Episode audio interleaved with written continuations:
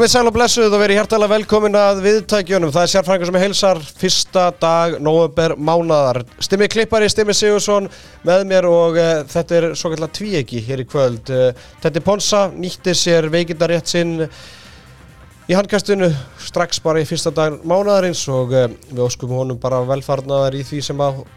hann tekur sér fyrir hendi í dag. Ég ætla að vona að hann sé ekki í, í feik veikinu eins og var hérna í gamla dag í, í grunnskólanum og svo í Vestló á sínum tíma. En uh, stemmi, gaman að vera með þér. Sumulegis við værim ekki hér nema þöggs ég góðvinum okkar í Dominos og Coca-Cola. Nýr mánuður, ný tækifæri november komin og þá er oktober búinn, það er bara ekki flókin starfræði og uh, nýr mánuður. Og þú nýttir það bara strax í gær Já, ég fekk með hvað, þeir voru með hræðilegt tilbúð eða svona rekjaðu tilbúð Já. Þannig að þegar ég var búin að gjá sannlega að hreinsa garðabæðin upp á salgeti þá skellti ég mér og pantaði mér nokkrar tóldum með pítsu fyrir mig og, og gesti mína og þurfti að býja 60 minnur eftir þannig að það er gott að vita að það gangi vel hjá krökkunum í Dominos það er ekki að spyrja því, var það hálslítar, 1 lítar eða 2 lítar kók með? uh, Við tókum tvækjalitra bæði með sigri og án sigus, þannig að eitthvað fyrir alla einhvað fyrir alla bílamiðstöðun Krókálsi 7, strákandir á bílamiðstöðunni heyrði í sérfræðingnum fyrir í dag og veltuði fyrir sér hvað er Alexander Pettersson að fá í laun. Alexander Pettersson, leikmaður vals, hefur verið lánaðar til Katar í mánuð í nóvember mánuð og uh, Styrmir, hvað heldur þú? Að Alexander Pettersson sé að fá í laun í Katar. Þetta er svona stór, stóru málinn í á milli tannan á fólki þessa stað Já, ég get alveg ímyndað mér að hann sé að fá svona hálsáslaun bara fyrir þessa 30 daga hérna, og jafnvel eitthvað, eitthvað fína bónusgræðslu ef hann tekst að hérna, að ætlunarverki Landa þeim stóra. Já, þannig að, þannig að ég get alveg sé fyrir mér að, að það verði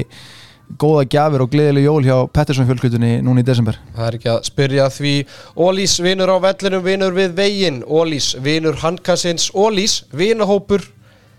Nýr mánuður eins og ég kem fram fyrir enn og aftur þess að. Það þá er bara nýtt tækifæri hjá vinahópi Já, Ólís. Fyrsta sem ég gerði í morgun þegar ég vaknaði var að fara inn á mailið og þá var náttúrulega beðið mér mail þar bara einmitt og þessu nýr mánuður, nýr tilbúð fyrir vinna okkar og það sem stóð upp úr af einhverjum 7-8-9 tilbúðum var náttúrulega kaffe og croissant og áður en ég fór í vinnunni í morgun þá stoppaði sjálfsög og fekk mér kaffe og croissant með súkulaði kaffi og croissant, er- já með súkulaði með súkulaði, algjör ký en ég sé hérna að það er smá til- tilbúið á KitKat. Kit, ég er svolítið með KitKat maður. Já, tvei fyrir einn á KitKat eða? Tvei fyrir hérna kitkat þannig að þú fá nýju svona putta. Nei, átta putta. Nýju putta, og grillaði maður. Það var erfitt að fá nýju putta Þökkum eh, þessum fyrirtækjum fyrir að styrkja góða umfyllunum um íslenskan handbólta Þátturinn í dag stút fullur Við ætlum að bæða að tala um íslenska karlalandslið Við ætlum að tala um íslenska kvennalandslið Við ætlum að tala um ólisteild karla Og við ætlum að tala um ólisteild kvenna. Þrátt fyrir að eh, leikmaður í íslenska kvennalandsliðinu hafi nú bara farið í fjölmiðla í síðustu viku og bara óska eftir því að við ætlum ekki að gera betur að bara sleppa þessu þér, ver- þér, þér verður ekki að ósk þinni því að við í handkastinu við stöndum á okkur stormin og ætlum ekki að láta eitt tíst eða svo láta áhrif á okkur. Við erum hérna fyrir ykkur hlustundi góðir að sjálfsögðu einblínu við mest á Ólistel Karla þar sem við leifum kvennakastinu að eiga sviðið en við vitum að því að öll umfjöllun er góð umfjöllun og þess vegna finnst okkur mikilvægt að halda kvennaboltarum umfjöllunum þar inni hjá okkur og við ætlum ekkert að láta þetta hafa áhrif á okkur. Stemmi, þú gerir hins vegar upp á milli kynninja í þinni vinnu. Já, ég bara geti miður ekki annað en gengstu því og hérna það sem að ég svona hef verið að einbetta mér mest að kannski kallpenningnum og, og herraklippingum og, og skeggsnýrtingu hérna en ef einhverja konur að núti vilja láta raka sér í hliðum eða eitthvað svoleiðis þá auðvitað rettu við því en ef þú veist að sama skapi fyrir hlustundur handkastin eins og við sögum hvað það eru tíu dagar síðan eitthvað við ætlum að bjóða hlustundum handkastins 20% afslátt á klippingum út árið og ef það er eitthvað konur á núti sem eru kannski eitthvað svægtar yfir því þá bara segið frend eitthvað frá þessu eða sín ykkar eða eitthvað svoleiðis.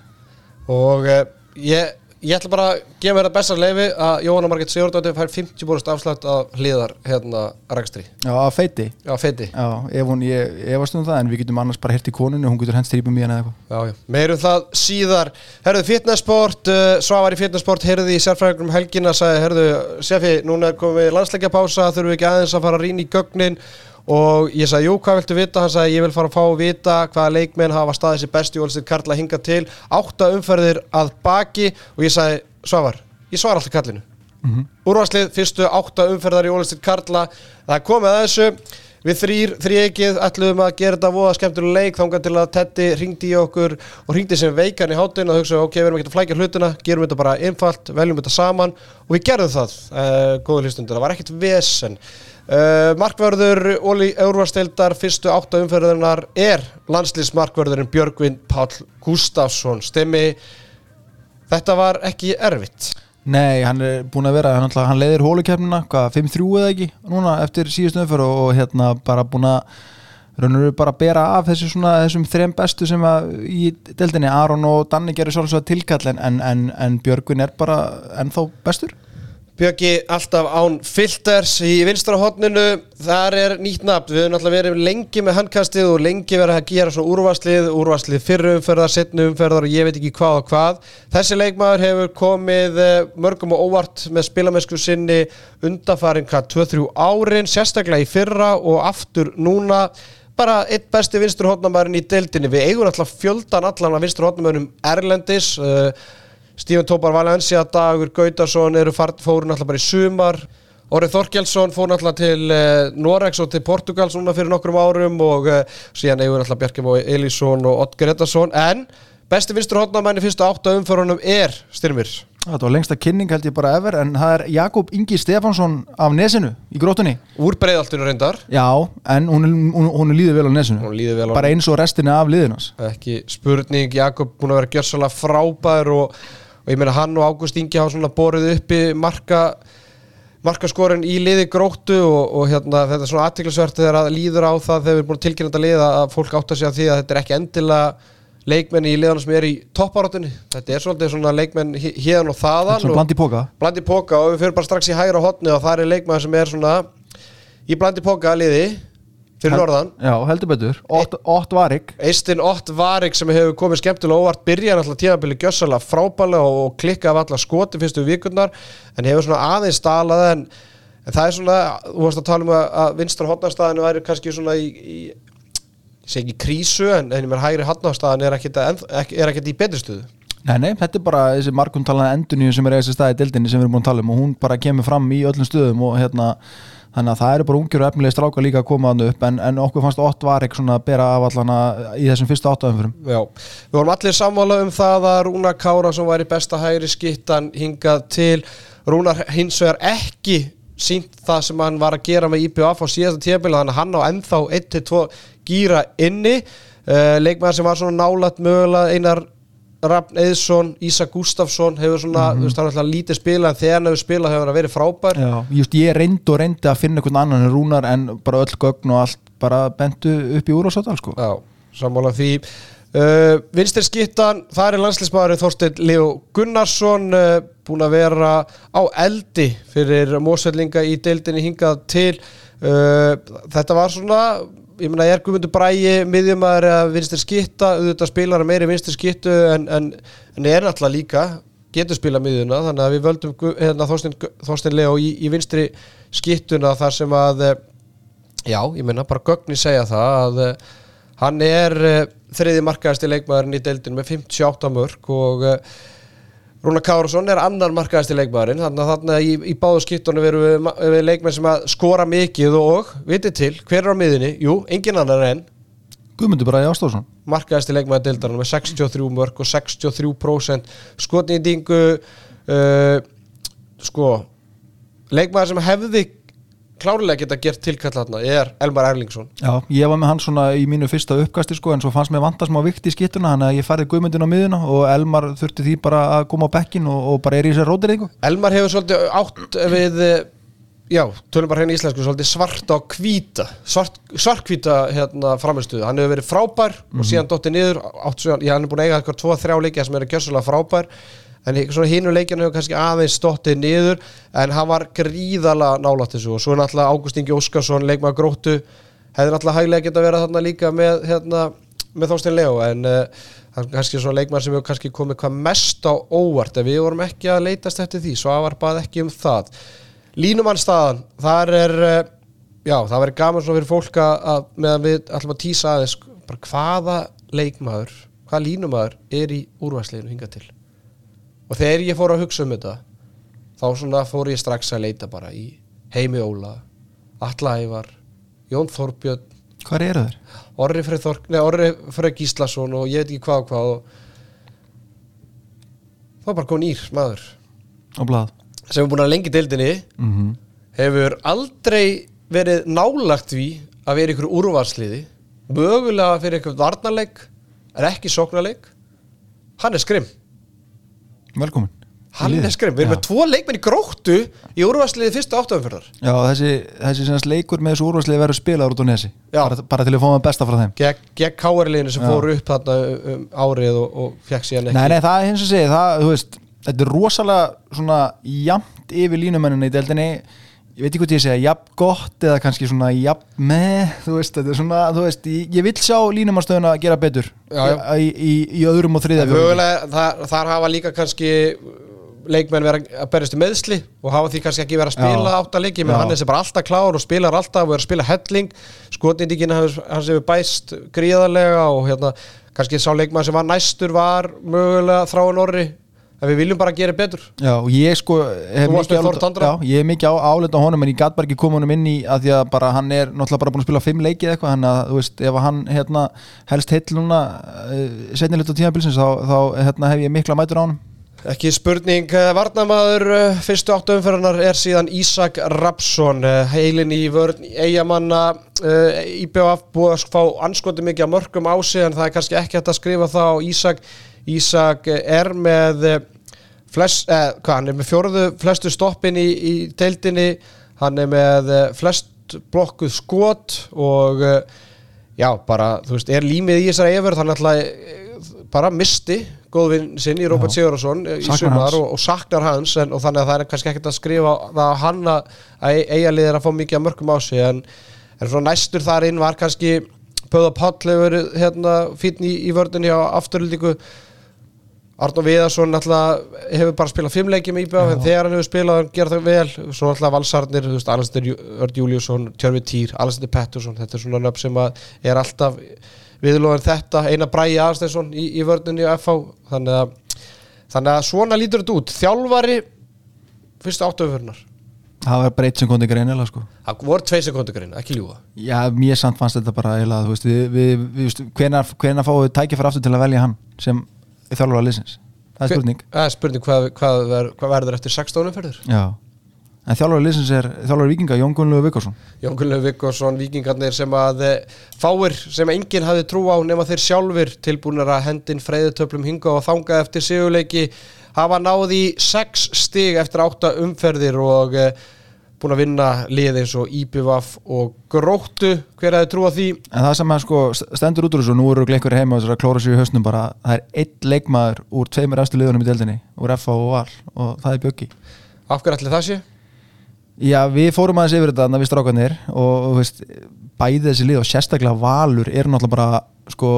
þau eru svo ótrúlega jöfn og jafn góð og þetta dreifir svo vel hérna, við vorum svolítið að finna, leikmennina sem svona, hérna, segja, svona standa út úr í, í, í, þessum stöðum. Hann að valsararnir, sérstaklega valsararnir kannski líða fyrir það hversu ótrúlega jafn og góður hópurinn er eins og Teddy búin að koma markótturinn á í vetur. Ekki spurning eh, þá er þetta komið Svavar, ég ætla að vona að þú verðir ánað með þetta. Það vantar ekki testastóran í þetta lið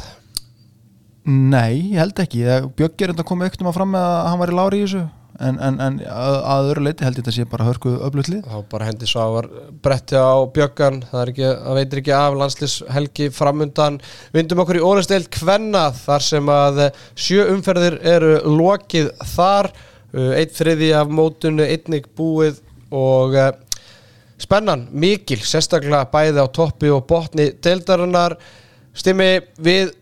lágum yfir sjónvarpinu í þessari umferð. Fengum smá skot á okkur. Já. yfir því að við værum bara yfir hobby stats og eitthvað sem er alltaf bara alls ekki rétt. Ég held að sé fáir sem að horfa jafn mikið á ólistil kvenna eins og stimmi klippari. Ég er alveg þekktu fyrir það, ég er bara að það er handbólt í sjónarpunum þá horfi ég. Ég er að segja og, það. já, og hérna, þú veist og það var engin undantekning þarna eða stjarnar IBF sem var náttúrulega í beinni á sjóa Símans og uh, Símen er sjálfsög með han- han- handkastinu og Símen Pay, léttkortið, ekkert áskjöld nýr, mánuður nýr mánuður og, þeir- já, og þeir eru að fara hendi gjafleik í mánunum bara hérna fyrir léttkortsafa þeir ætla að gefa splungu nýjan iPhone 15 í þessum mánuði fyrir þá sem eru með kortið. Hva, hvað þarf er ég ekki að gera? Ég þarf bara að hafa kortið. Já, er bara skráðu og vera með kortið. Meina, er þetta, eitthvað grínið? nei, og menna, þú veist, þú þarft ekki einu svona nota. Skráðu bara að fáið kortið. Það er ekkit árskjald og bara tekur strípaðan pakka, ert ekki að bæta okkur ég, er hræddur um ég er um það að við séum búin að missa hlustendur núna þeir eru bara farin strax inn á símin.is gefum við bara smá tími í þetta? Já, gerið þetta bara eftir þáttun, slagja þess á, róið ykkur. Þetta fer ekkert, það er nóg- næ- nægur tími. Herðu, því líku kvalreiki fyrir stjörnuna fá Darju Sevicic. Segjum að það ekki? ég myndi segja Sesevic Sesevic að sjálfsög. Ég er ekki þekktu fyrir að vera góð með þessi erlendu nöfn og, og hérna bara byggðs afsökunar því en stjórnulið vann IBVF með fjórum mörgum 26-22 eftir að staðan hafi verið jöfn 11-11 lítið skorað lengi vel í leiknum en þetta var svolítið svona maður beigð eftir að IBVF liði myndi springa. Uh, Eva Björk Dæðustóttur markaði stjórnustelpa með 10 mörg og 17 skotum og Embla Steindórstóttur með 5 mörg markaðist í liði IBVF sennilega í fyrsta skipta á sínum ferli Amelía Einarstóttir með 7 mörg og uh, gerða bara listilega vel Sunna Jónsdóttir, svona líkilmaðurinn í liði IBF var með tvö mörg úr sjö skotum. IBF liðið náttúrulega stimmi fáliðað og eh, svona enn eitt ári einhvern veginn þegar það er mikla væntingar og, og búist við miklu og þá missaðir líkilleikmenn Já, við náttúrulega sakna Hrafnildur Hönnu og Byrnuberg gífulega, menn ég held að Hrafnildur eigi að koma inn í liðið fljótlega eftir áramóti það er nú eitthvað lengi, lengri inn að Byrnu hann að þetta er náttúrulega bara, þú veist, þegar þú missir tvær svona kannonur út úr liðinu þá bara er ekkit óeðlilegt að þú sést farin að ströggla eins og eiga liðið hefur verið að gera í undanfjöndum leikum Þú punktar hérna hjá þeir í, í skjálun okkar góð að IBF að kasta frá sér baróttunum deildamestaratitilum með þessu tabi Já, já, það, ég held að það sé farið. Þetta verður einvið millir hauka og valskvæna og hérna, þú veist, eins og kom í síðustum fyrir það sem að haukar unnu val óvænt þannig að þetta verður tveggja hesta hlaupa allan um hennar deildamestratitill Talandi haugana, það er unnu IR 34-25 Ég ætla að vona það að Jóhanna Marget sé ekki á skeiðklukkunni en við erum bara að gera þetta okkar tempói. Uh, Já, já, eins og við erum bara svona rétt að snerta toppinu á ís, ísjaganum, svo bara mælum við með að- stilla inn á hjá félögum okkar í kvannakastunni eða við viljum fá virkilega deep dive í þessu umræðu Ha, það get ekki allir verið í dýftinni það var einhver að vera hérna syndandi á, á bakkanum. Heldur betur. Elin Klara var markaðist haugastælpla í nýju marka sigur á IR 34-25 eins og ég sagði á og Sara Otten var með fjögur mörgum fjóru skotum og það er allt annað að sjá hana frá því að hún kom til liðsins í fyrra. Og var Erlendis kom á miður tímafili fyrra var eitthvað löskuð og lélætt sjálfströst og það var bara ekki svipur sjón að sjá hana að kasta á marki í fyrra. En, en það er eins og Steppi Arnars sé með eitthvað skemmtilega leiki á æfingum og er aðeins að ná til hennar því að skotnýti hefur verið allt önnur á þessu tímafili og gríðarlega mikilvægt fyrir haukalið að ná hanni á flot Svo, Já, alltaf hans ekki bara með ís með dífu og eitthvað skilur svo það bara Já, klára ísinn og, og sleikja dífuna Já, ok. Það er ekki að spyrja því Birta Lindi Ástóttur og Inga Dís voru með fjögumörk voru í haugaliðinu. Uh, okkar kona Hildur Ötter í markinu og Ír var með nýju varða bolta og Hildur Ötter er alltaf virkur hlustandi hangassis og uh, gaman að heyra því. Uh, sko, haugarnir eru toppið dildarar ásand var með 12 stík með jafn- með jafn mörg stík, bæði líf búin að tapa einu leik og meðan Ír situr bara líkna sjó í 5. seti dildarar með 6 stík Þetta verður eins og ég sagði, þetta verður bara barátt á milli hauka og, og vals og, og ég meina valstelpundar það er unnu aftur líka þessar umfæri með 6 mörgum 29-23 voru 13-11 yfir í háluleik og, og hérna við lágum báðir yfir þessum leik. Við hittust bara núna á mándaskvöldið og, og horfðum hérna leik saman bara með fjölskyldum okkar og þetta var aðtiklisverða leikur þar sem að staðum bara jöfn lengi vel í setnaháleik og það var eiginlega svona bara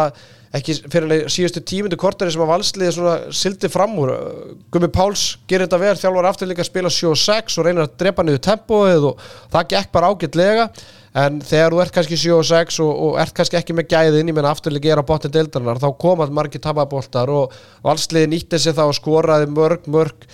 í tóntmarkið og það er kannski svona lág munurinn á liðunum en varnalega var afturlega bara frábærar og valsliði með Gústa Jóðan og Hliðalínu var bara í bölvuðu basli að finna laustir 6 og, teg Já, menna mér veist valsliði bara hafa verið í tölvöri basli í upphafi tíðanbils ég, sko, ég held ég að sagt það hérna í fyrstu þáttunum tíðanbilinu, ég bjóst við að það myndi bara gjössanlega hlaupum þetta tíðanbil, þetta er bara verið þeirra að tapa og mér veist einhvern veginn hafa verið svona smá hyggst í þessu. Grunar að geti verið að eitthvað stelpur séu kannski konar með hugan við stormóti sem er núna framundan, hann er kannski ég er reikna með að sjá kannski tölvert breyttara og svona mótivera valsliði eftir áramót þegar það er komað tilbaka ég, mér mig grunar að þær hafi verið að hlýfa sér. Ég held að sé bara svona mannlegt eðli þegar þegar eitthvað svona stort verkefni er að koma að þú ert svona aðeins út að passa að þú meiðist ekki fyrir það? Sjáum til uh, óhættustu úslitin í umferðinni voruð sannilega þau að Káa Þór vann fram í sögumbústanum 21-22 eftir að hafa verið einumarki yfir í hálfleik og Matjá Lónag, eitt besti markverður dildanar, var eins og köttur á milli stangana með 43% markværslu Um, ég langar að nefna tvær bráð efnilega leikmenn úr þriðaflokki Kvenna, Lítja Gunnþórsdóttur og Bergrós Ásta voru markaðistar í liði Káþóm samtals með nýju mörg, Lítja með fimm og Bergrós fjögur. Og síðan var önnur bráð efnilega í liði fram Dagmar Pálsdóttir markaðist hjá fram með sex mörg uh, ég spyr bara hvað er í gangi á fram, ég menna það skítap í byggarmlóti fyrstandöldaliði Selfos í, í, í vikunni áður og tapa síðan á móti Káþór sem að var með þrjú stygg fyrir leikin, voru bara að vinna eitt leik fyrir þennan leik og, og hérna svona líkt og IBF er frambúið að kasta svona frá sig baróttunni, þá er ekki talveg að það er að enda sem deildamæstarar heldur bara eitthvað svona að tapa moti K.O. Þóri er allt og dýrt í baróttunni Já og það er kannski spurning hvort það sé að koma á daginn eins og Tetti talaði um fyrir vetur með að vera með þjálfara sem er að þjálfa bæði kall og hvenna þetta kemur öruglega bara neyra á báðum liðum einhvern veginn og svo náttúrulega er það búin að vera glímaði meðsli og voru að glíma náttúrulega við meðsli í vikunni að hérna vantaði tvær af, af þeirra bestu leikmennu gegn Selfos í byggarnum og er ekki Þóri Rósa, hún er búin að vera erlendis en náttúrulega slemt fyrir framstælpunar að fara með þetta tap á bakinu inn í þetta langa frí sem er núna framöndan en hérna ef ég þekki eina Jóns vel þá á hann eftir að drilla stelpunar vel í þessari, í þessari pásu og hérna framar að verða í þessu bara fjórða, fymta sæti í þessari deild svona held í vor þegar við förum í úsleikefnina Eh, sjáum til hvernig það fer allt saman nægur tími til eh, þess að spá í það en þetta var sem sagt sjönda umferðin í orðist til Kvenna og næst ætlum við að fara bara í þennan landslýsóp sem Arnar Pétursson uh, valdi í dag HM framundan hjá Íslenska Kvennalandsliðinu sem framfinn hér, hér á Norðurlöndunum eða ekki? Norður, Danmörk og, og hvort það sé ekki eitt landi í Það var ekki Pólandi eða eitthvað? Jú, er það ekki Norðurlöndinu eða? En ekki síðastir í gáði. Nei, nei, ok, það var smá miskilingur hjá eh, landafræði snillingnum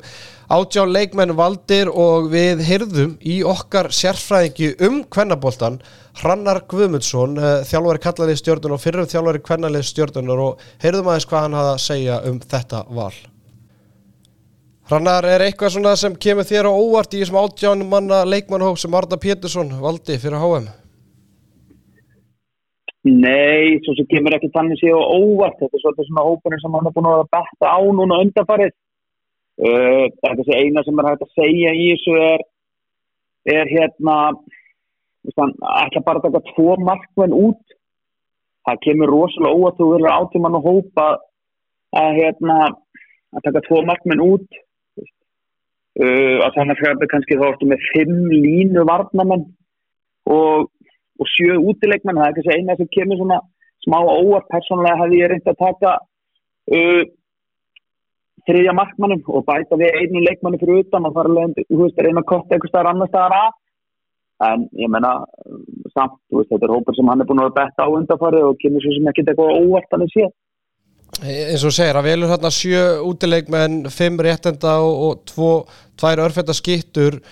í þetta verkefni sem að eh, muna innihalda 9-10 leiki, þrjá leiki æfingamóti fyrir mótið síðan eh, að minnstakosti 6 leikir á HM er hann að spila djarfa leik með því er, er, er breytin bara ekki meiri í þessum stöðum? Sko það má alveg uh, það má alveg fara þú veist, færi rauk fyrir því að þessi breytin er ekki nægilega en það er samanskapil, eins og þú segir með, þú veist, þetta eru heldur margi leiki sem bara spila og og með hvernig hann hefur að spila líka þá er Sandra Erlings að spila alveg 50-55 mínútur í hverju leik. Þannig að þetta verður svolítið hvernig hann ætlar að úr hvaða leikmann hann ætlar að fá með henni. Elin Klara, Elin Rosa, frábæri leikmann og Sandra líka mjög góð. En þú veist þetta er svolítið sami leikmaðurinn. Þannig að úr skóðar einn og einn lágasnar hraðar og svona þannig að þetta verður alveg svolítið púst fyrir hann hvernig hann ætlar að gera þetta sko Akkurat, hvaða leikmenn geta að vera svona svektir heima þessi núna að við ekki fengið kallið? Uh, mér finnst kalla geta verið svolítið svekt, hún svolítið, hefur þess að eiginleika fyrir utan, hún er svona þú veist, getur skotið og fín einn og einn og getur leiðskitt og byggju og einn er frábæra varnamæður, en mér, mér finnst að hún getur verið svolítið svekt uh, hérna markmann það líka, mér finnst að við hefum þetta að taka þriða markmann, en að ég held að hún getur líka verið mjög svag, hún Sara. Alltaf þú ert að tala þá um Katlu Mari á, á Selfossi? Já, en, en ég meina þú veist, svona alltaf er kannski leikmenn eins og Birta Berg Haraldsdóttir, sem er alltaf bara meitt og ég meina hef- hefði hún ekki alltaf verið í þessum hóp? Ég er ekkert vissum að hún hefði verið í staðin fyrir díunu dögg eða tíu, en að við díjana og þýja mjög góðu leikmæðu, þetta, hefði- þú þú getur fært rauk fyrir því að Birna hefði átt að vera hann í staðin fyrir, þú veist, kannski díunu og öfugt, en að það er svolítið bara, nei, ég hugsa að ég hefði tekið díunu og tíu einnig. En þetta verð, en, en þú kemur kannski, þú veist, út með þetta fimm línu varnamenn, þetta er svolítið, þú veist, þetta verður svolítið forðanlegt að sjá að því að þú veist, þú rýnir í þetta þá er þetta svolítið erfið stað að hvernig hann nota hildikunni upp og niður völlin núna. Berglind er einingis varnamæður og Sunna líka. Elisa hefur ekki verið að spila frist með landsliðinu. Katrin Tinna hefur verið að spila svona já, ekkert í ykkur rosalega stóru hlutur hvernig ætlar hann að leysa þetta? Þú veist, ætlum við að vera bara alltaf í tvöfættil skiptingu eða það verður svolítið forröndilegt að sjá vartanleikin hvernig hann ætlar að setja þetta upp og hvernig við ætlum að keira þú veist, við að ef að Berglind er inn og er hún að fara að keira beint inn á línu eða ætlum við að fara, í,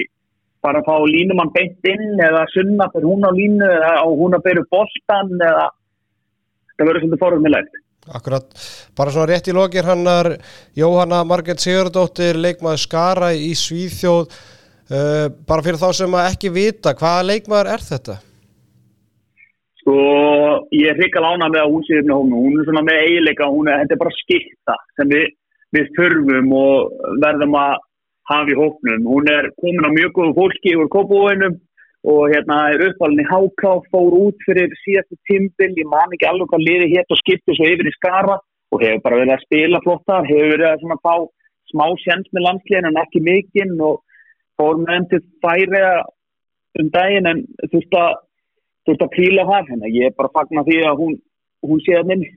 Algjörlega við gerum það líka, þetta er einn okkar allra uppáhaldsleikmaður í, í landslýshópnum. Rannar Guðmundsson, sérfræðingur handkassins um hvenna boltan, takk kærlega fyrir þetta innleg og styrmir, eh, þú ert búin að fara yfir landafræðin og, og sérfræðingur hann hafði rétt fyrir sér á. Já, þetta var Svíþjóð, ég var að ruggla saman hérna, stórmáti kallana núna í janúar sem var í Svíþjóð og Pólandi en þetta er semst Noregur, Danmörk, Svíþjóð ég byrst afsökunum þessu. Og íslenska liðið er í reyðili með Fraklandi, Angól og Slóvenju og reyðili verður spilaðar í Stafangri í Nóri og þrjú efstu liðið reyðilsins tryggja sér sæti í millirriðila á HM stendur hér á handbóltum.is ég ætla ekki að eh, selja það eða nýja kaupa það dýra en ég seldi það. Nei. þannig að höfum það bara alveg á hreinu Herruðu Stemmi, þú ert búin að liggja yfir þessu öllu saman það var alltaf var brjá, brjála að gera hjá þér í stólnum í dag og þú mm Mhm. alls konar fræðinga með þér og þetta, þetta var svona hittamál á, á stofunni hjá þér í, í dag og, og hvað, svona, hvað var svona hvað fannst fólk und, eða svona aðtiklisverðast? Sko, margir sem komu og lögðu orð, orði belg en það sem ég tek út úr þessu, ég greindi gögnin þá voru allir með sama á vörun sér og ég sammálaði við söknum vera allir að sjá ekki önnu úrsölu í þessum hóp, ég reynilega veit ekki hvort hann hafi gefið kost á sér eða ekki en þú veist, mér hefist vanta pínu stáli í þetta og ég hefði viljað sjá hana að það inni ef hann hefði gefið kost á sér. Mér grunar að hún hafi bara ekki gert það en eins og sé, það voru allir svona sem að hvað er hann úrsölu, hvað er hann úr úst, og ég bara, ég hef ekki svörn á reyðum höndum en hérna Arna Pétursson kannski gerir grein fyrir máli sinu en hérna það hefur verið hrikalega gott upp á reynslu og bara hún er ennþá þótt og hún sé búin að hætta fjórusunum og byrja aftur fjórusunum með eitthvað lang besti varnamæðurinn sem við eigum í dag.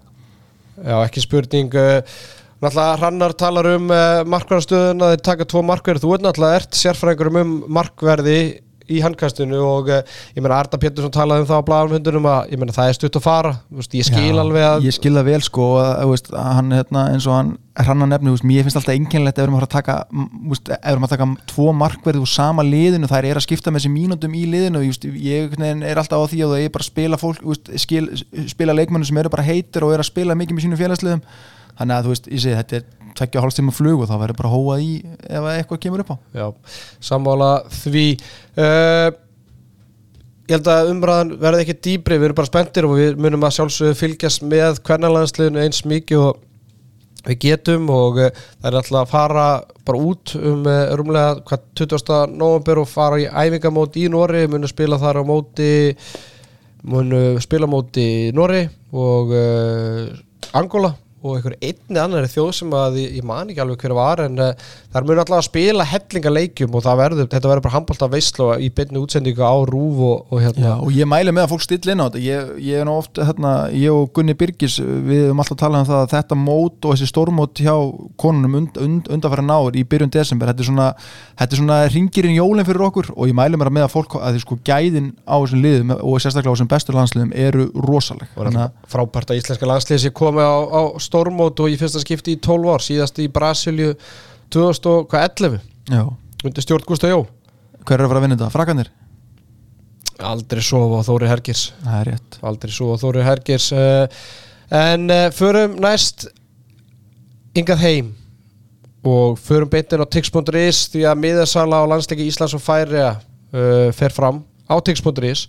og það er ekki bara miðarsala á þá landsleiki á tix.is heldur er úrvali á jólatónleikana. Ég meina, ég, ég held að það sé að slá mitt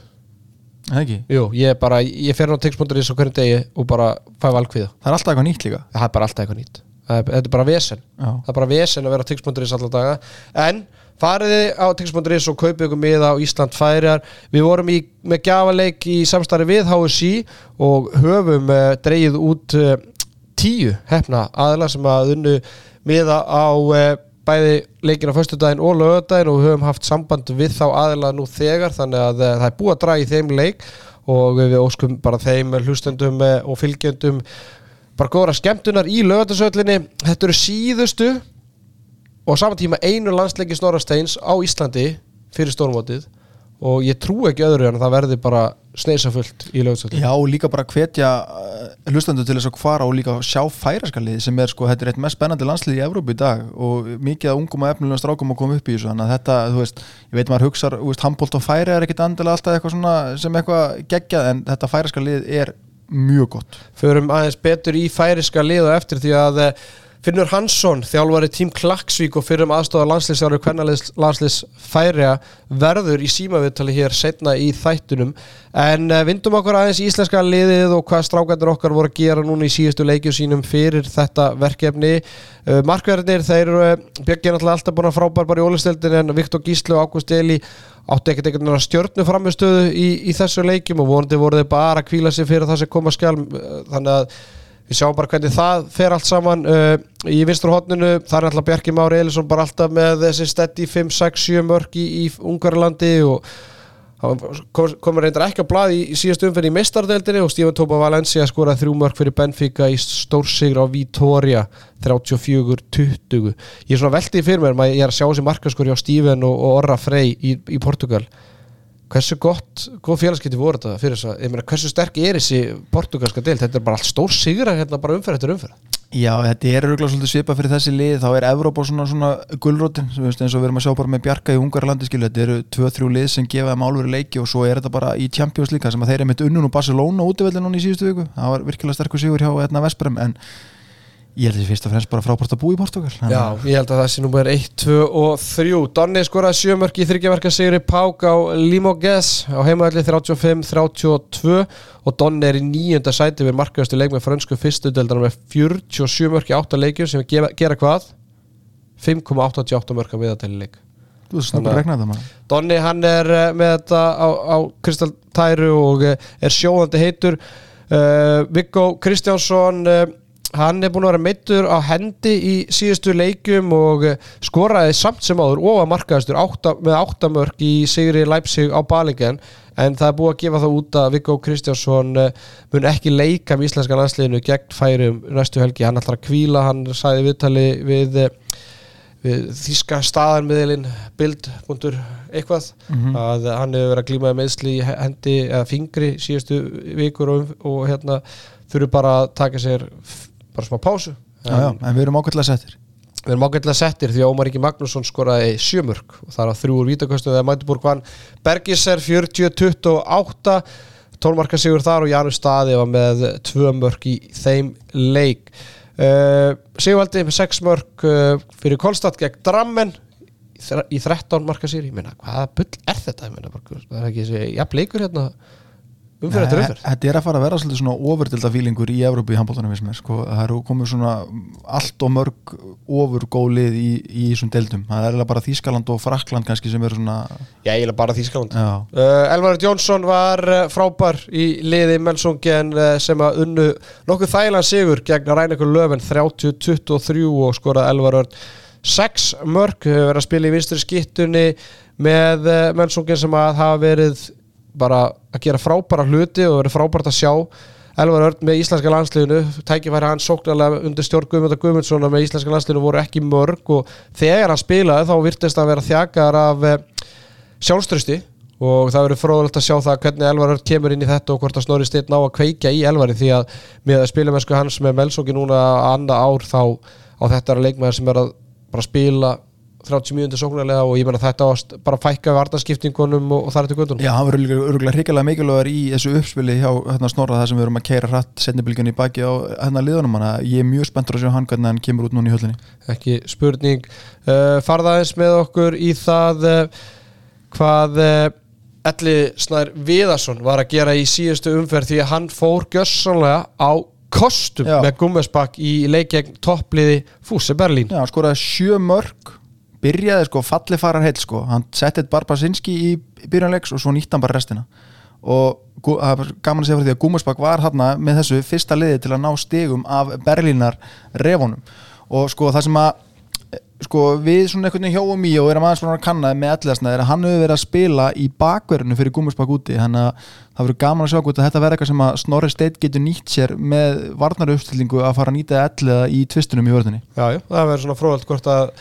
Að hann bara sjáu kannski að, að það muni henda honum miklu betur heldur en að vera í þristinum og þetta getur að spila þristin en ég menna hann er að leysa bakverðarstöðuna gríðarlega vel með gúmarsbæk og kannski lýr hann bara miklu betur þar og Já og við náttúrulega erum bara að leita loðandi ljósi að því að finna eitthvað útvarslega á þessari vörð þar sem við getum fækka skiptingunum í þessum nýja alþjóðlega bolta þar sem við höfum bara ekki tími að vera skipta temi millir varnar og sóknar. Uh, Einar Þorsteit, hann var ekki meðal marka skora í liði Fredricia kannski ekki skrítið þar sem hann er nú bara ætlar það sem varnamaður en það kannski kemur mörgum og óvart að Fredricia eru í þriðja sæti deildarinn með 15 stíg og e- e- einugis einu stíg eftir öðru sætinu sjöstígum eftir Álaborg en, en Gummi Gumm hann er að búa til eitthvað skrimslen í döðsveitildinni. Í Gummi Gumm kann alveg að þjálfa þótt að við hefum kannski ekki alltaf verið sammálu um hvernig fyrir aðeins þá, þá vitum við öll hérna heima að Gummi Gumm er flottu þjálfari. Ekki spurning Uh, svo kannski önnu tíðindi úr leikmannhófnum er, er þau að Magnús Óli Magnússon alltaf var ekki með uh, leikmann, uh, í leikmannhófi vals gegn haugum í síðustum fyrir ólastildinni og það verður svona spurning hvort að hann verði klár í þessa leiki og hvort að hann fá eitthvað mínútur. Það verður nú bara að koma í ljós. En það eru gleði tíðindi að væntalega fá að sjá. Vonastjórnu íslenska handbóltans Haug Þrastarsson koma tilbaka eftir gríðarlega erfið og langverandi meðsli Hann kannski hefur leigið Hauki Þrastasinni núna í að vera tvö ári að koma í viðtala en Haukur hefur ekki gefið kost á sér og ég ætla því að nýta tækifæri mitt og eh, spila hérna viðtal sem að eh, Rúvarnir, Ríkissjóarpið, tók við Hauk á dögunum. Búin á langu tími burtu og hérna það er bara eindislega tilfinning að vera komin aftur. Hvernig, hvernig er bara standið á þér eftir allt það sem undan er gengið? bara frábært sko, með af allt uh, þá er standi bara ótrúlega gott. Uh, ekki langur tími síðan að ég kom tilbaka en, en hérna við verðum að taka þetta svona skref fyrir skref uh, og hérna ég er bara góðan stað í dag. Einmitt, hvernig, þú veist, eftir að hafa lendi í svona töfum meðslum, svona back to back ef maður, ef maður slettir hvernig er bara að vera að spila aftur er, er eitthvað stressir? Já, kannski fyrst, bara fyrsta leikin bara kannski stórt móment fyrir mig að hérna, ákveði svona skref að hérna, komast aftur inn á völlin og það var alltaf munur á að, að hérna, vera bara að æfa og, og koma svo inn á völlin aftur þannig að það var kannski svona ákveði skref en, en eftir það þá og, og sérstaklega í dag er maður bara komin í rútinu með þetta og ekkert stress þannig séð og, og engin ræðisla þó svo maður hafi lendt í ja, tveim stóru meðslum á stuttum tíma þá, þá er ég bara góður hvað það var þar og eins og ég segi bara á góðum stað líkamlega góðu standi þannig að þetta er bara allt í, í toppmálum. Allt í toppstandi hjá Hauki Þrastasinni og það gleður okkar að heyra og það er okkar von um að Haukur Þrastason geti spila með íslenska landsliðinu á EM í munn hérna í janúar. En uh, við uh, við förum alltaf aðeins dýbra í hlutin en aðrir og uh, við fundum einst, einstakling í færum sem er já, hlustar á handkastið vikulega og reglulega og hefur búið í færum lengi vel byrjaði hér handbóltafélagsinn á Íslandi en uh, fluttist uh, til færi og hefur verið að þjálfa þar. Finnur Hansson og uh, hann er þjálfar í tím Klagsvík og við spyr, fengum að spyrja hann aðeins út í bara færiska boltan, færiska landslið og þá geðviki sem á sér stað í færium þessa dagana. Finnur, byrjum bara á sem æfingarleikin sem framjöndan eru á förstu daginn og laugadaginn hérna á Íslandi. Bara fyrir þá hlustendur sem er að hlusta og, og vita kannski lítið um þetta færiska lið við hvernig svona Já, leik má búast og, og hver eru svona væntingar færinga fyrir þennan leik, leikjum helgina? Já, nú vonar ég að þeir náttúrulega að býta frá sér. Þeir eru hérna nokkur komnir í, í sterklið og tveir í tískubeldina í hérna Óli er að spila í Segelhoff og þeir eru svona flestir að spila ellendis. Já, við kviðum í svona mjög stórun hluturkur vendar en, en það verður gaman að sjá hvernig leikstil færiðing að passa við, við Íslandfélagi þeir eru, eru mjög hraðir sérstaklega Óli og, Elias eins og þeir sem eru búin að vera á kíl spila núna í ár eru búin að sjá og, og, það verður gaman að sjá hvernig, hvernig þetta para saman Akkurat, uh, náttúrulega eins og allir vita, flesti vita, náttúrulega vann færiðingarnir sér þáttökur rétt á EM núna í, í janúar og, og en svona leiðir þeirra að þetta var svona, þetta var erfitt þegar hérna, úst, voru unnu heimaleikina sína og, og hérna, en kannski voru ekki, hafa ekki enþá kannski náðu einhverjum ekstra góða leikjum á mótur sem stóru þjóðum sem við kannski teljum Íslandingan að vera Hvers, hvar, hvar heldur að færi einhvern veginn standi á, á mótur sem stærstu þjóðum? Þeir eru náttúrulega bara rétt að byrja og hérna, fyrsta stórmót og það er mikið hæpi gangi og, og þetta er sérstaklega byggt á, á ykkuringum unga leikmenn sem að það er árgangur en það sem að kom úr hásuti einum þetta er ekkert þetta er ekkert ósipað og, og þegar Arnófélag voru í FA og unnu þetta yngjurflokka og, partili og allt. Þetta, er ekkert ósipað það. Þeir þeir eru hana fjóri sem eru, eru búin að ná mjög langt úr sama árgangi, úr sama félagi. Og, og landsliðið er svolítið byggt í kringum þessa leikmenn og, og jú, jú, það eru fínir leikmenn í kringu og líka eru búin að ná bara fínum árangri með að við hvað er uppnáður að gera í í færið sko. Hvað getur þú nefnt þess að leikma En við erum ekki við erum ekki, við erum, getum ekki það er Elias og það er Hákon Veistatægjum það er Óli Mittun Viljum Pólsson spilaðan á Íslandi og, og já, það fint í andur þar. Og er svona, er svona fyrst inn í það hlutur sem hann fekk núna og, og það er ungu línumar að detti núna sem er átjónara Ísak Völdisbó stór og stæðilegur og fína tekni það er þarna já, við eigum náttúrulega svolítið land með að vera samanberðu mikið í Íslandska landstegi Akkurat, þú náttúrulega nefnir hérna, til dæmis Ísak Völdisbó og, og hérna og síðan er náttúrulega, hvað heitir hann, Bjarni eða ekki? Bjarni í Selvindi sem er svona, svona tveir efnilegustu leikmenni svona kannski sem að á eftir náttúrulega þetta er Elias á skipagötu og Óli Mitt hún náttúrulega ennþá efnilegra en þetta er kannski svona næstu nöfnir sem að færi einhvern veginn að býða eftir að, að muni bara gera allt vittlast í, í Evrópu. Já, þetta lítur lítur vel út og er, er spennandi að fylgjast með þeim og sjá hvernig er fyrta inn í þessum liðum sem þeir eru að spila núna og og hvort að fleiri takki skrefið upp í svona sterkar beildi eins og þískabeildina eða, eða eitthvað nálætti þeir eru búin að vera í pröfi markmærin Páli Jakobsen hann var í Fraklandi fyrir það og kom svo aðeins til færi aftur og er, er farin Danmarku aftur í næstastu deild og, og Tóndur Mikkelsen er náða að standa sem vel, hann er í Noregi og er, við erum ekki komin eins langt og, og Ísland er að sjálfsögðu en, en hérna en að við, hvernig búið að vera í færi um allar sem ég er búin að vera en að þetta það langt besta sem að bara hefur verið nokkuð tíman sko. Akkurat, uh, tölum aðeins um, um hérna, þú talar um hæpið áðan og, og það er alltaf EM framöndan, ég heyrði það sér í, í gær og, og ég blöskraði bara með tölundar sem þú talar um hvað margir færingar á leiðina og EM, getur aðeins bara sagt okkur bara hvernig er stemmingin í færium og tillökunin og, og hvernig verður þess að háttað, verður bara eigin tóm bara í, í janúar? Já, það verður, það verður ekki mikið að fólk eftir, það er, það er að fara allavega 3000 sem er að fara úr færi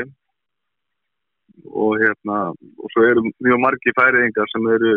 búsettir í Danmarku og hérna í, í kring sem eru búin að búka miða og við erum konum með svona hérna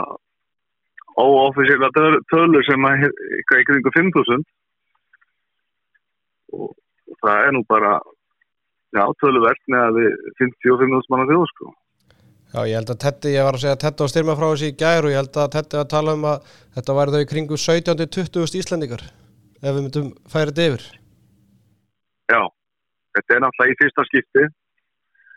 og, og hætið er gífulegt og handbóltin er búin að vera svona, auka vinsveldi sína hérna síðustu árin og, og og það er tölvert meiri áhugi á, á handbóltarinn núna en, en fókbóltarinn fráttur við að, lið eins og ká í, í fókbóltarinn í klagsik vilarsliði búið að gera ótrúlega hluti þá er handbóltinn mjög ofalega í færiskum huga Akkurat, hvað er búin að vera lengi færiðum? Þetta er komið í 25 ár Ekki nema? Ekki nema sko Hvað hérna, hvað, þú náttúrulega varst í handbóltanum hérna heima, er eitthvað svona, og þú náttúrulega fylgist með bóltanum hérna heima á Íslandi líka, er eitthvað svona Íslandingandi getur lært af færingum og bara það sem færingarnir hafa gert vel undanfærin ár? Það er erfitt að fara, fara hérna, Íslandingar að hæra fæði og með, nei, ég myndur ekki segja það. Ég, þetta er bara dögulegir núna síðustu árin að hérna, hvernig, hvernig handbóltarsambandi er búin að halda utan á um félagin til að ná þessum að ná þessum næsta skrefi sem er búin að vanta það er búin að vanta þessu atvinnum mann að huga að menn síðan huga að fara að ræða atvinnum menn það var alltaf miklu meira að það var handbólti og svo þegar að þegar að háskóli og annar tók við þá fluttuð um Danmarkur og svo var handbólti nummið 2 og 3 þetta var aldrei voru aldrei margir sem að náðu upp ykkur að sterkja deildir og, og, og landsliðir sem að voru með við vorum alltaf með í ykkur grundakernum komast aldrei áfram. Og, og er fram til gödunum en, en nei, ég held að, að Ísland sínum bara í að gera goða hluti með þessin handbólla og það er einhverja verður náttúrulega bara snýða snýða eftir eftir stakki eins og, eins og hérna nota það sem er til hérna. Það er, við erum náttúrulega ekki að framlega hæstu leikmenn í heiminum en þá er bara að vera að framlega hraðari leikmenn og, og kannski vera að byggja svolítið upp á, upp á því En eina svona sem við hefum hýrt náttúrulega eru margir íslenski þjálfara sem að vera að þjálfa í færi um undanfærin ár og það er kannski svona þessi tengingi við grunnskóla og svona ekki kannski beint akademi en, en krakkarnir þeir eru að æfa handbólta á mótnan og í hátteginu í skólanum. Já, það er komið svolítið svona á þess að vera akademi að svona hugafar og íþróttabrautin er með handbóltabraut og fókbóltabraut og, og, og ekkert engar aðra íþróttir eins og ég er en, en, en skólandir eru búin að taka virka þátt í þessu og, og það er búin að taka svolítið með, með akademum á Íslandi sem fyrirmynd kannski. Þannig að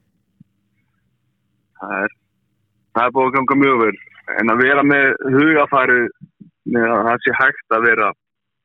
að spila í bestu deildum í heiminum frátt fyrir að, að, að koma frá færiðum og eins og færiðskri handbótt er búin að vera það hefur, hefur vant að fyrirmyndinar að það hefur enginn farið alla leið eins og þessi strákar sem eru núna að gera hafa gert sko. Akkurat, akkurat. Uh, bara svona rétt í lokinu talar um hugafæri og allt það, það er alltaf þegar Ísland fyrir á stórumóta þá er alltaf halda allir að Ísland sé að vera heimsmeistarar eða efurmeistarar, hvernig er svona vendingarnar til liðsins, ég meina er færingarnir hugsaði bara þannig að þeir verða bara stoltir að taka með og eða þá taka þátt og, og úrslitin algjört aukaðrið Já, færingurinn er náttúrulega mjög hólegur að eðlisværi, þannig að það er náttúrulega bara að vera komin á, á stórmóti er bara sigur í sig sjálfur en, en þessi drengir hafa nú bara sínt á sanna að það er það er margt sem að, að eftir að koma út af þá og hérna það getur vel verið að þeir steli ykkur stíð eða teimur eða í þessu móti sko. Það er, það er allt hægt en við erum ekkert að fara fyrir heimsmyndar allveg sko það getur alveg verið rólegið þar Já, býðum, að, býðum allavega vonum að, að hérna, vonum allavega Íslandingarnir ná betra árangur en færingarnir á, á þessu stórmóti. Finnur Hansson uh, þjálfur í tím Klagsvík í, í færum takk ég alveg fyrir að taka upp tólið þegar sérfræðingun heyrir í þér og, og takk ég alveg fyrir þetta input um færiskan handbólta. Já, sömulegis og bara takk fyrir að við erum með aldrei þessu frábæra hætti gangandi. Það er,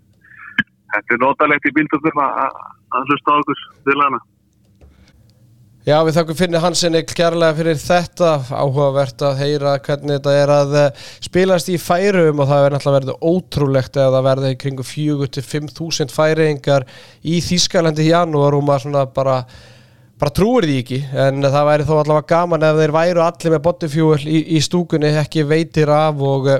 og það væri kannski bara fínt fyrir bæði stuðnismenn eh, íslenska kvennlandslesin sem ætla til Noregs og líka okkur eh, sem ætla í til Þýskans í janúar að nýta sér tilbúið í, hjá ekstra orkunni 10-11 og heimköp í nógumber á, á Bottenfjól. Ég er farin að sjá þetta meira og meira, krakkarnir og, og leikbeðinir í ólistildin eru farin að, að leita sér í Bottenfjólið og ég held að það er bara eftir að skila sér í betri framistuðu þegar það líður á tíabilið. Já, þetta er líka bara gott sko þegar það er búið að vera gaman morgunin eftir að hafa hérna, Bottenfjól og ég er með á leðin eftir þátt með bretti til þetta til þess að kera söldin í honum upp og bara koma honum í gegnum þetta. Þannig við, við, við, við viljum fá þetta í stúdíu með okkur sundaginn Já, ég hef líka verið að glíma með veikindi síðust daga og þar hefur bara Bottenfjól komið mér gegnum daginn. Já. En Ríni Endurskoðun, Beggar til í strákarni fór aðeins að rína í færiska landslýshópin og auðvitað fór Finnur Hansson aðeins í þetta og og er ég er svolítið skotin í þessu færiska liði og, og hérna langar bara aðeins að fara yfir hann hóp, ég ætla ekki að fara yfir öll nöfnin en bara svona fyrir hlustendur að þegar að þessi leikir verða á förstu dag og lögata í bytni, sjóa símans að sjálfsögum það væri nú kannski gaman allavega að vita fyrir hlustendur að kannski eitthvað um þessa leikmenn og það er alltaf leikmenn þarna sem að hafa og er að spila á Íslandi. Uh, Allan Norberg, leikmenn Vals er alltaf þarna í, í hópnum. Nikol Satsvel fyrir leikmenn Káa og leikmenn Viking í Bergen í Nóri er þarna. Pjætur Mikkalsson línumæður, mannstættur honum? Það var ekki Káa sem var í Káa, hann reyði ekki feitum hesti í Káa en uh, hann hefur gert það gott, ég meina hann hann hann hefur bara mikið smetin í færum og, og hérna hefur verið í þessu H71 leiði og er núna í halbi í Svíþjóð Vilhelm Pálsson, leikmaður Lemvik og, og fyrir leikmaður Fram sem var náttúrulega bara frábær í ólistildinni, bara einn besta hægri skittar í dildinni. Já, bara held ég síðasti leikmaður sem svona útlendingu sem kom inn í dildun og var bara strax með impact. Já, þetta eru þeir leikmaður sem hafa verið að spila á, á Íslandi sem er í færiska landslýshófnum uh, finnur náttúrulega að tala um Hákon Vest af Tegum sem er náttúrulega bara hægri hotnamaður Fússe Berlín sem var náttúrulega í 2002 landsliði færingar sem var spiluð á stórmóti núni í sumar sem svona náði kannski ekki þeim hæðum sem að færingarnir voru vonast eftir samanmóti og íslenska kallalandslið náði frábærum árangri. Uh, Eliasson Skipagötu leikmað Kíl í Þýskalandi sama landslið, úlingarlandslið Óli Mittún, leikmað Savihoff sam, samir í Tryggva Þórissonar í Savihoff. Og ég fór aðeins að kíkja á hérna svona hvernig Savihoff hefur verið að spila og, og þar sá ég að Óli Mitt, hún skoraði ekki nema 12 mörg í síðasta deildaleg hjá Savihoff gegn Lúki 39-32 þannig að Óli Mitt, hún hann er ekkit minna efni en heldur en Elias Skipagötu og hann, þeir fóru sumur leið. Elias Skipagötu fótið Savihoff og spila mm -hmm. þar ára fyrir til kíl og Óli Mitt hún gerir slíktið sama. Uh, Rói Ellefsen á skipagöndu það er eldri bróður hérna Eliasar hann spilar einni með halbi í Svíþjóð og síðan alltaf eins og ég nefndi við finn þarna tveir gríðarlega efnilegi leikmenn í Bjarni Selvindi og, og Ísak Veðelsból, línumæður uh, þeir eru báði nýlegar og uh, bara gaman að segja frá því að Ísak Veðelsbó er línumæður sem að hefur verið undir smásjón okkar íslenskara liða og línumæður sem var í 21. landsliðinu í sumar og, og hann spilaði tvo æmingarleiki móti íslenska landsliðinu í sumar og uh, það var strax 2-3 þjálfar í ólistildinni sem fór að gramsa og aðtókvart að sá leikmaður væri hérna laus en hann er leikmaður stórleis H71 í, í færu og þá er svona að maður kannski búin að nefna allt sem að já svona maður veit um hingað til skilum við veist, að, að, hérna, veist, þetta eru leikmenn sem er að spila í, í Nóri og Danmörku. Uh, margir að spila í fyrstudildinni í Danmörku með liði Hói og Orhus og uh, þannig að þetta verður fráðulegt og ég, ég, það er sjálf það sem ég hef verið jafn spenntur einhvern veginn fyrir æfingarleik hjá íslenska landsliðinu. Það er bara að sjá að því að auðvitað var, var, var, var maður að vonast þegar Ísland myndi enda við færium á EM en það fór nú bara þannig að við endum ekki með þeim í riðli og þá er bara svona fín svona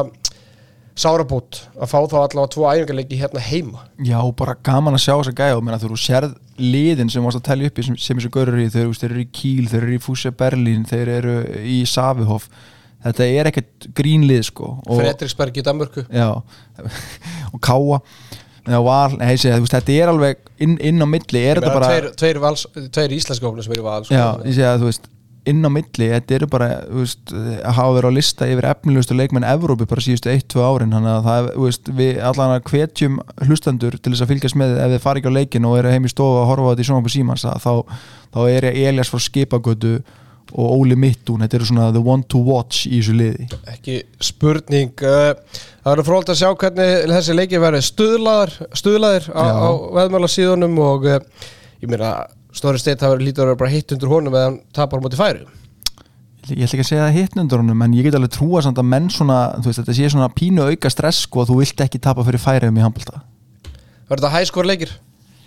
Já, ég held að þetta verði kyrt bara alveg svo leiðis vilju vekk fram og tilbaka hann að óverið geta alveg verið eitthvað annað fyrir okkur sko. ég held að verði, ég held, ég held að verði mikið tempó og, og bara rúla vel á, á báðum hópum sko. Ég held það líka. Hlustundur góðir, takk hjálpa fyrir hlustunina þessu sinni, við verðum hérna á sunnudagsmorgunin þar sem við munum fara yfir þessa báða leiki. Við ætlum að vera með landslis ringborð og fáum jáfnvel einhvern góða gest eða ringjum út í bæ og fáum álit hins og þennan. En það er stóri dagar framöndan fyrstu landsleikir Snorra Stein sem þjálfar íslenska landsleisins á mikið talað og rætt og ritað um þessa ráðningu. Snorri Stein hefur verið núna uh, landsleikþjálfar í nokkra mánu fyrsta verkefni loksins bara handa við hodnið og um, við í handkastunum gríðarlega spenntur að sjá hvernig íslenska landsliðið mun uh, spila í þessum leikjum auðvitað. Skammu tími, ég held að þetta sé eitthvað þrjálfjóra æfingar sem liðið haft en